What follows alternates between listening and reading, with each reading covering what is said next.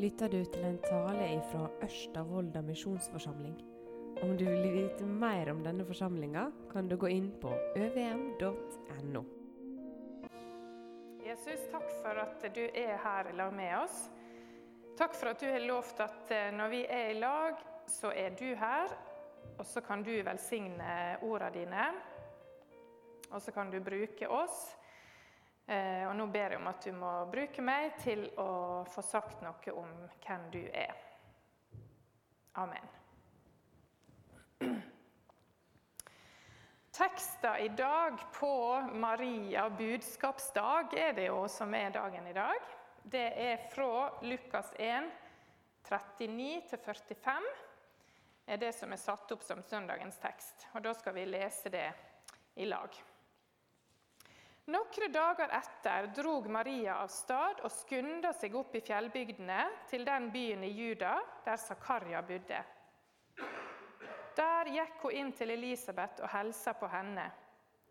Da Elisabeth hørte hilsinga fra Maria, sparka barnet i magen hennes. Hun ble fylt av Den hellige ande og ropa høyt. Velsigna er du mellom kvinner, og velsigna er frukta av ditt mors liv. Frukta i ditt mors liv. Hvordan kunne det hende meg at mor til Herren min kommer til meg? For da lyden av helsinga di nådde øret mitt, sparka barnet i magen min av fryd. Ja, sæl er hun som trodde, for det Herren har sagt til henne, skal oppfylles. Dette er det som er satt opp som søndagens tekst. Eh, men som en sånn fortellingstekst så er det satt opp det som skjedde før Maria kom til Elisabeth. Og jeg tenker at det er fornuftig å ta med på en måte hele det avsnittet med, som er da fra Lukas 1 deme, men før dette som er søndagens tekst. Så får vi liksom friska opp igjen hva det er som skjer på denne dagen når Maria får vite at hun skal bli mor til Gud sjøl. Og Der står det fra vers 26 i Lukas 1. Men da Elisabeth var i sjette måned, ble engelen Gabriel sendt fra Gud til en by i Galilea som heter Nasaret, til ei jomfru som var lova bort til Josef, en mann av Davids ett. Navnet hennes var Maria. Engelen kom inn til henne og sa, Vær helsa, du som har fått nåde, Herren er med deg. Ved disse ordene ble hun forskrekka og undres på hva denne helsinga skulle tyde. Men engelen sa til henne, Vær ikke redd, Maria, for du har funnet nåde hos Gud. Hør, du skal bli med barn og få en sønn, og du skal gi ham navnet Jesus. Han skal være stor og kalles sønn til den høgste. Herren Gud skal gi han kongstolen til David, far hans. Han skal være konge over Jakobs hus til evig tid, og det skal ikke være ende på kongedømmet hans. Maria sa til engelen, eh, 'Hvordan skal dette gå til når jeg ikke har vært sammen med noen mann?' Engelen svarer, 'Den hellige ande skal komme over deg, og krafta fra den høgste skal skygge over deg.' Derfor skal òg barnet som blir født, være heilagt og kalles Guds sønn. Og hør, Elisabeth, slektningen din, venter en sønn, hun òg, på sine gamle dager. Hun som de sa ikke kunne få barn, er alltid sjette måned. For ingenting er umulig for Gud. Da sa Maria, Se, jeg er Herrens tjenestekvinne, la det gå med meg som du har sagt. Og så forlet engelen henne. Maria bådskapsdag. Ni måneder igjen til jul, folkens. Sånn er det. Og Dette er lagt som en sånn festdag midt i fastetida. Nå er vi inne i fastetida med en del tekster som er litt annerledes. Og så kommer denne dagen her, som bryter litt med det. Så en festdag midt i fastetida. Og Dette er dagen da vi minnes at Maria, ei ugift jente fra en liten og helt ubetydelig landsby, fikk beskjed om at hun av alle som det kunne være, blir valgt ut til å bli mor til Messias sjøl. Det er ikke så mye forklaringer på hvorfor det akkurat ble jo Maria. Så det er jo en sånn, en sånn hemmelighet for oss. Og hun blir jo strengt tatt ikke akkurat spurt. Det tror ikke vi kan si, at hun akkurat får et spørsmål. Men hun sier seg likevel villig til dette oppdraget. Og når hun treffer Elisabeth, når hun reiser opp dit, så utbryter hun Elisabeth det er Herrens mor. Det må ha vært utrolig rart for Maria å få en sånn tittel. Og Elisabeth hun taler profetisk og skjønner, på en måte får, får en åpenbaring av, av, hva det er som kommer på besøk. Og kanskje er det med å hjelpe Maria litt sånn på vei til å på en måte ja, Kanskje i hvert fall ikke tro at hun er blitt helt sprø. da. For jeg tror jo det er litt sånn med oss at Én ting er den dagen hun fikk besøk av denne engelen. Det må ha vært utrolig rart. Men jeg har tenkt ofte på hva med dagene etterpå, da? Nå gikk hun og lurte på herlighet, altså var det, var det bare en drøm? Var det bare noe jeg innbilte meg? Var det Altså, er jeg i ferd med å liksom miste det? Så gir på en måte Gud og noen sånne hjelpekroker da, til å henge dette på, bl.a. dette at hun Elisabeth sier det er Herrens mor som kommer på besøk til meg. Og Det syns jeg sier noe om hvem Gud er, denne omsorgen som han har for sine. At selv en så stor oppgave, da, så, så hjelper Gud henne underveis. og og gir henne på en måte hjelp til å tro at dette er sant. Og Etter hvert så merker hun jo det på kroppen sin med at det, dette er faktisk sant. Det vokser et barn inni meg. Og Det er jo virkelig jord og himmel da, som møtes en sånn dag som dette. Kanskje noe av det mest jordnære og menneskelige av alt, nemlig svangerskap og fødsel, selv om det har noe veldig stort eh, over seg, altså livet sjøl, som ikke vi mennesker kan, kan forklare helt. Men likevel, svangerskap og fødsel det er noe som er skjedd alltid, så lenge mennesker har vært til. Ledd etter ledd. Eh, så det er noe utrolig sånn jordnært og, og hverdagslig på en måte. Og så kommer Gud sjøl inn i dette. Og tenk at Gud lar seg sjøl bli et sånt bitte lite menneskebarn, et foster, så beskytta og ubeskytta på samme tid. Og går gjennom alle disse månedene og vokser. Denne, hele denne utviklinga som ethvert menneske er gjennom. Der vokser Gud sjøl. Og så lar han seg føde sånn som alle mennesker har blitt, av en mor som tar imot han som sin. Og det er dette Maria skal inn i. Det er vanskelig synes jeg, å forestille meg helt hva Maria tenkte på. Men om vi skal prøve, så har jeg tenkt at, hun, jeg tenk, jeg tenkt at det går kanskje litt i to retninger, da, det hun gikk og, og grunna på. Én ting er dette overnaturlige, at det er et englebesøk. At hun som er jomfru, blir gravid. Um, og det må ha vært ekstremt vanskelig å prøve å forklare til folk rundt. Jeg tror ikke det var mange som trodde på Maria. Sikkert mange som har sagt ja, denne forklaringa er det mange som har prøvd seg på før. Kanskje noen sa det, men det vet vi ikke går an. Men Maria vet at jau, det er sånn. Og heldigvis han Josef han trodde på henne, og han fikk hjelp til det. Så én ting er dette overnaturlige. Det andre kan da være at hun har vært bekymra for det rent kroppslige. Kanskje, kanskje Maria vi, vi, vet jo at hun var veldig ung, vi vet ikke akkurat. Kanskje var hun 15-16-17 år. Eh, og som kvinne, jente, så har hun kanskje vært tett på andre kvinner i familien som har født.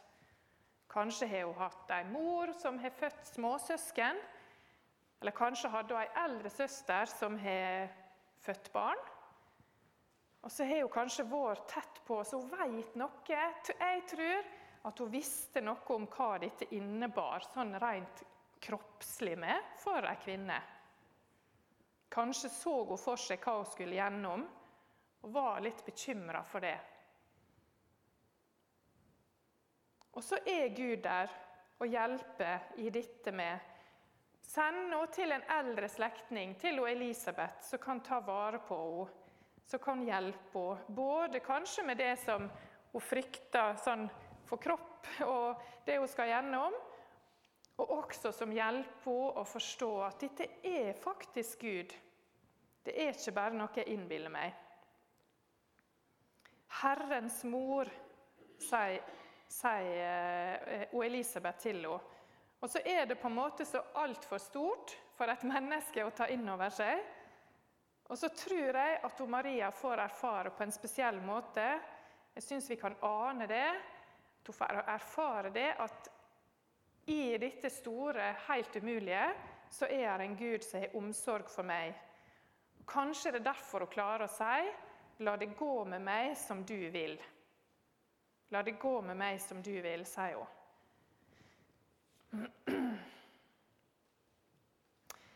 Og Da er det et annet poeng i denne teksten som jeg har lyst til at vi skal se litt på. og Det er dette med lydighet og tillit. Og Marias lydighet den blir ofte trukket fram denne dagen, med rette. For hun er et forbilde for oss i at hun sier seg villig til en sånn stor og helt livsforandrende oppgave. Det er et før og etter. For Maria det, det blir aldri det samme igjen etter denne dagen hun får besøk av denne engelen. Det er virkelig et før og etter.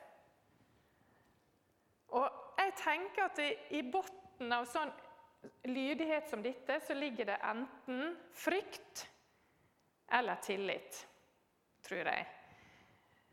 Det er, det er sånn at mennesker kan skremmes til lydighet. Og det ser vi dessverre altfor vonde eksempel på nå i dag i media overalt. I krig og sånne ting. Så, så blir folk skremt til å være lydige. fordi at hvis du ikke gjør det som blir bestemt at du skal gjøre, så havner du i fengsel, eller du dør, eller du mister jobben, eller så det å skremme, det å få folk til å være lydige, det er noe ganske enkelt hvis du klarer å skremme dem gjøre folk redde. Det er en måte å, å få folk til å være lydige på. Og det er heldigvis ikke Guds måte. Men så ser vi det at Maria sin tillit den tror jeg bygger på noe annet. Jeg, jeg må innrømme at jeg syns akkurat denne teksten er litt utfordrende. For jeg syns hun er så rask. da. Og, og spør jo en gang ja, men hvordan skal dette gå til, for jeg har ikke vært med noen mann. Og Så forklarer Gud det, og så sier hun OK, la det gå med meg som du vil. Og så har jeg tenkt mange ganger altså det, Jeg er ikke laga sånn, jeg, har jeg tenkt. Og jeg tror, det, jeg tror ikke jeg er det. Jeg, jeg, jeg, tror jeg hadde hatt mye mer protester i meg. Så det er noe jeg syns er litt vanskelig med denne teksten. Men det er da jeg tenker jeg tror Maria har erfart å kjenne en Gud som har altså sånn omsorg og er der i livet hennes på en sånn måte at hun forstår at Gud er en som vil meg vel. Gud er ikke en som kaster meg ut i dette uten å vite hva han gjør. Her er en tillit fra Maria som jeg, jeg tror er et forbilde for oss. En tillit fra Marias side at det er på en måte lurt, det, men det er trygt. Det er trygt å følge Guds vilje. Det er trygt for meg, for det er han som kjenner inngangen i dette, men han kjenner også utgangen. Og Dette ordet gudsfrykt er jo et litt vanskelig ord, men jeg, jeg tror det handler om denne formen for tillit. da så er en sånn anerkjennelse av at ja, men, han er større enn meg, han vet inngangen, han vet utgangen. Da bøyer jeg meg for hans vilje. Og så er jeg sånn laga at dette syns jeg er vanskelig. For er, jeg syns det, det, kan jo være på en måte lett da, hvis vi skal bruke sånne ord om det, å følge Guds vilje når det går lett, og når det er lette valg å ta. Men hva når ting ikke blir som jeg hadde tenkt, da? Når planer som jeg så for meg, ikke blir noe av? Da kan jeg synes det er vanskeligere både å ha tillit til at Gud ser, og på en måte se hans vei. da. Og Gjennom arbeidet mitt som sjelsørger så er dette et tema jeg ofte treffer på i de som jeg snakker med meg. Så vi er nok litt sårbare for dette, vi mennesker. Sårbare for når livet setter oss på prøve. Og det er lett å kanskje miste Gud av syne. Så jeg har liksom fundert litt på er det sånn at vi mennesker i dag er litt ekstra utsatt for det. Eh, og kanskje spesielt i vårt samfunn. For vi, vi har så gode ordninger. Dette skal vi være veldig takknemlige for. Dette mener jeg ikke er negativt. altså. For vi har så utrolig gode ordninger rundt oss. Og system Vi skal være så glad for vi har system som faktisk fungerer. Sånn at hvis jeg trenger hjelp til noe, så kan jeg få det. Hvis jeg trenger hjelp med helsehjelp, eller om det blir trøblete økonomisk, eller hva det måtte være, så, så har vi instanser som på en måte fanger opp mennesket. Så betyr ikke det at eh, ting kan bli vanskelig likevel. Men, men vi, har, vi, har, utrolig mange ordninger der vi kan ta en telefon, og så får vi eh, hjelp med ting. Men kanskje gjør det at når det da knytter seg til skikkelig, da, med ting som ikke bare kan ordnes med en telefon, så blir vi litt rådville. Eh, mister litt eh, Ja, hva, hva nå, da? Hvorfor skjer dette meg? sykdom, vi står i vanskelige relasjoner. Kanskje mister vi noen vi er glad i. I, i tekster i dag, ene lesetekster så er det om Hanna som opplevde å lengte etter å få barn, og ikke fikk, ikke fikk det før hun ble ganske gammel. Til slutt fikk hun det. Men det med det folk som gjør, går og lengter etter å få barn og får ikke det. Um, det er mange sånne ting i livet som vi kan bli stående i og, og så ikke se løsninger på. Og så i stedet for å eh, gå til Gud og si Gud, du vet alt, så kanskje vi begynner å spørre hvor er Gud nå? Jeg kan iallfall ha lett for å, å spørre det. Har du forlatt meg, Gud? Og Det er derfor det utfordrer meg litt at Maria er så rask da, med å si det, ja, Du vet best, Gud. For det, kanskje fordi jeg ikke er så god på det sjøl. Men jeg tror det er noe å strekke seg etter og øve seg på. Så kanskje er vi litt ekstra utsatt i vårt samfunn, muligens, i dag. Men det som er litt godt, da, det er at når vi leser Bibelen, så ser vi at det er andre som har tenkt de samme tankene, som er blitt utfordra av de samme spørsmåla. Så noe sånn menneske har vel, Vi har vel vår noe sånn til alle tider. At i møte med lidelse eller vanskelige erfaringer i livet, så kommer spørsmåla 'Hvor er du nå, Gud?' Derfor er jeg litt glad for at det der står tekster om det også. Og Vi skal lese litt fra Salme 22, som er en av klagesalmene i Bibelen.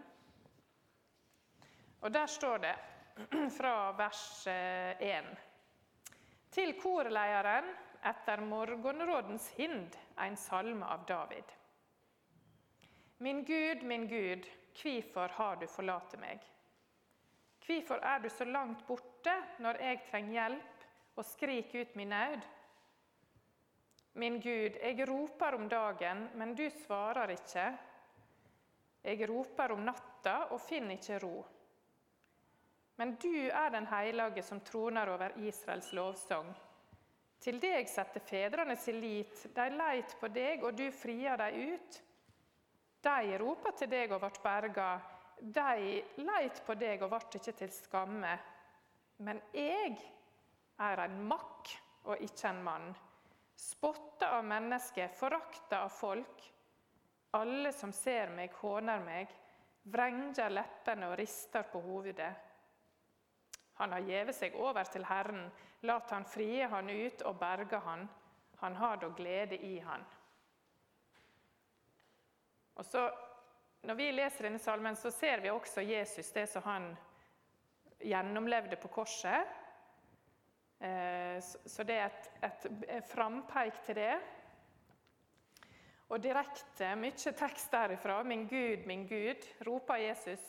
Men dette har mennesket vi ropt igjennom tidene. Hvor er du, Gud?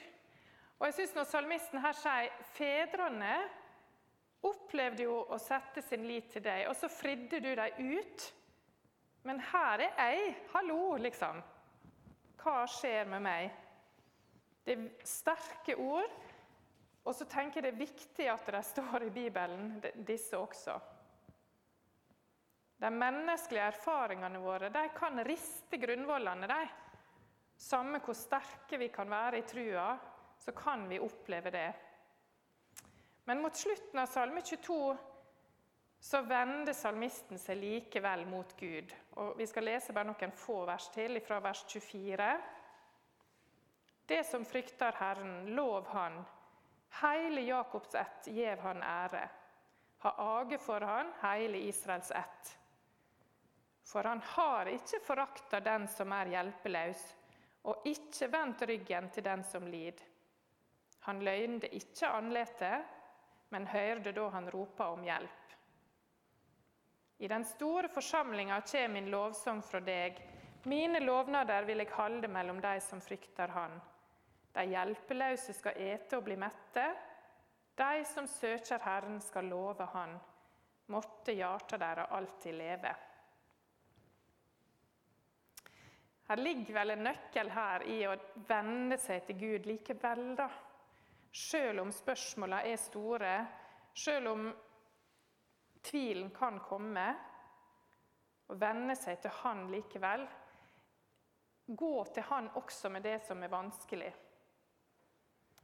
Og Jeg tror ikke at det gjør at alt blir fiksa, for det har vi erfaringer med i livet. At noen må leve med lidelse i årevis. Men så er Gud der likevel. Og spørsmålene våre kan få svar, og uroen kan bli stilt. Fordi at vi gir Han som har ansvaret, ansvaret. Og så kan vi få lov å si til Gud jeg forstår ikke dette, men jeg liter på at du veit best. Den tilliten som kommer av at vi har erfaring av at Gud vil oss vel. All trøst, Gud. Maria budskapsdag. Det er ikke så lenge til påske. Og Jesu liv her på jorda kommer jo veldig nær denne dagen. Kommer veldig nær oss fordi vi får innsikt i hvordan Jesus ble til når han skulle bli et menneske her på jord. Et lite menneskebarn, båren fram av ei kvinne. Og så levde han livet sitt her fram til døden og oppstandelsen i påska. Og hele dette livet det levde han for oss. Jeg syns det er fint å minne om, selv om det er litt sånn julete, da, men på en dag som dette, Immanuel, det ene navnet som, som Jesus skulle få, og som Maria får beskjed om eh, at hun skal kalle han Jesus, og så blir han også kalt Immanuel, Gud med oss. Og Det klinger jo sånn med i disse tekstene. Og Hanna som opplevde å rope til Gud og så får hun svar 'Gud med oss'. Og Maria, som ikke forstår alt, men sier 'Det er greit, la det gå med meg som du vil'. Det er en Gud som er med oss som kommer, som ikke lot mennesker bli overlatt til seg sjøl og den visse dom og død, men som steig ned her for å gjøre det som ikke vi kunne klare sjøl. Og Derfor så er jo dette ja-et fra Maria da, så enormt viktig for oss. Det at hun sa ja til denne oppgaven, er jo kjempeviktig for oss. For det, er til velsignelse. det ble til velsignelse for henne, men ikke bare for henne, men for alle oss som har fått tatt imot Jesus som vår frelser. skal vi be ei kort bønn til slutt. Jesus, du kjenner oss sånn som vi er. Og så ber jeg om at du må hjelpe oss til å ha tillit til deg når dagene er gode, og også når dagene er vanskelige, eller når vi står overfor oppgaver som kjennes veldig store. Ehm, hjelp oss til å vende oss din vei, og til å se på det som du har gjort for oss. Amen.